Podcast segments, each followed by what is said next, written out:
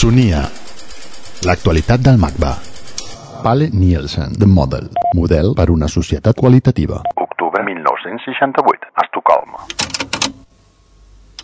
It's you know more than 40 years back in the good six, 68s where there were a lot of fights all over Europe and uh, it was uh, it was a part of a, a fight against bad urbanism uh, started in Copenhagen we make some action uh, some playground uh, legally playgrounds um, uh, to tell that uh, the children have very few opportunities in uh, in the city and in the backyards. and after that, I was going to the academy at that time.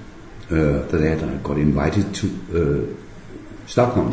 We built up a very big action called uh, Action Samtal. And in the same time, I want to uh, take over the Modern Museum in Stockholm because it was a big, big white cube, one big room, and I wanted to have a make something for children inside there to tell around it, to get the eye on the children's uh, possibility and how you can uh, uh, manage another way uh, if you get allowed. If the children get allowed to do something, they will do it. and at the same time, I have gotten a little PhD in the architect school. Uh, so I used this opportunity to get money from all where because uh, I asked the director, Pontus Hultén, if he has some uh, weeks. Yeah, he had six weeks I can get, but I had to pay all of it myself. I said, oh, and we have only two months. so we got the money. Uh, it was kind of science at the same time. Activisme the Playground. So we built up, uh, completely uh, changed the room uh, for the children. A lot of people helped uh, by doing it. Some uh, classes from the designer school, they came 14 days to, to help building it up. It was a part of their education. Participació i estètica. In, in the three weeks, uh, there was about 30, more than 30,000 people in three weeks. Exactly, thir- I think 33,000 people. 20 of 20,000 of them were children. I think they said it was one of the biggest exhibitions they've had because it was very cold outside in October. It was freezing, but still I was standing at about half a kilometer uh, in the weekend. People freezing, uh, waiting to come in with their children. because we could only have about 400 in one time because it's too much. So they had two hours in the weekend, then out and then in again. It cost the uh, grown up had to pay five crown, five crowns, uh, and the children had pay nothing. and they played. Uh, they could uh, first they jump in foam in the middle. they could uh, have a lot of clothes to take on, and they had masks. Uh, a lot of things they could do, and we had to make because there was so many people, so we had to make an outdoors uh, playground uh, while they were waiting. Coming in the morning uh, from the, kindergarten and the school, and then in the afternoon uh, came with the parents.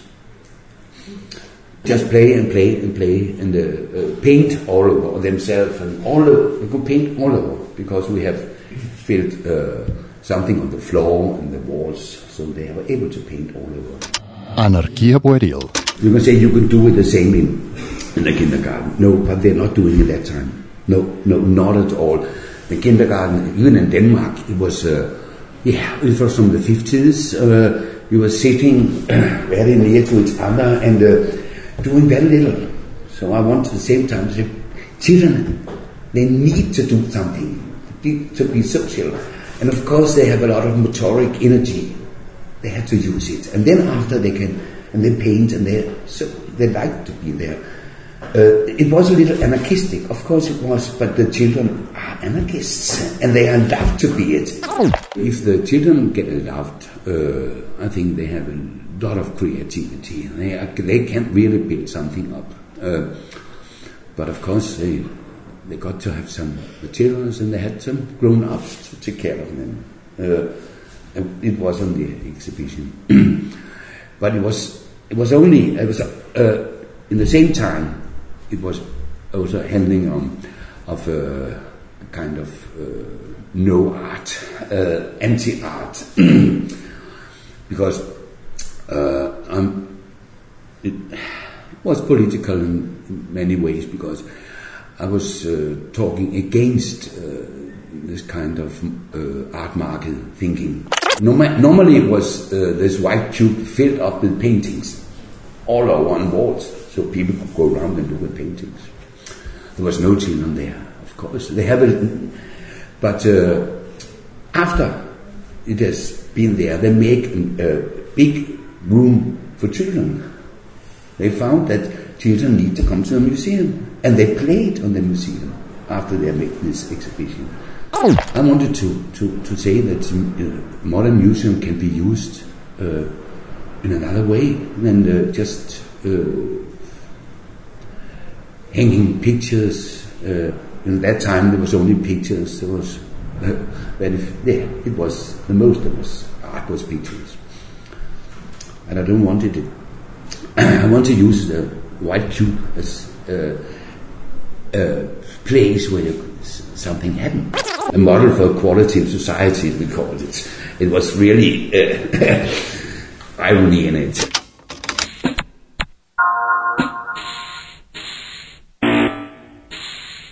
Sunia. L'actualitat del MACBA. MACBA.cat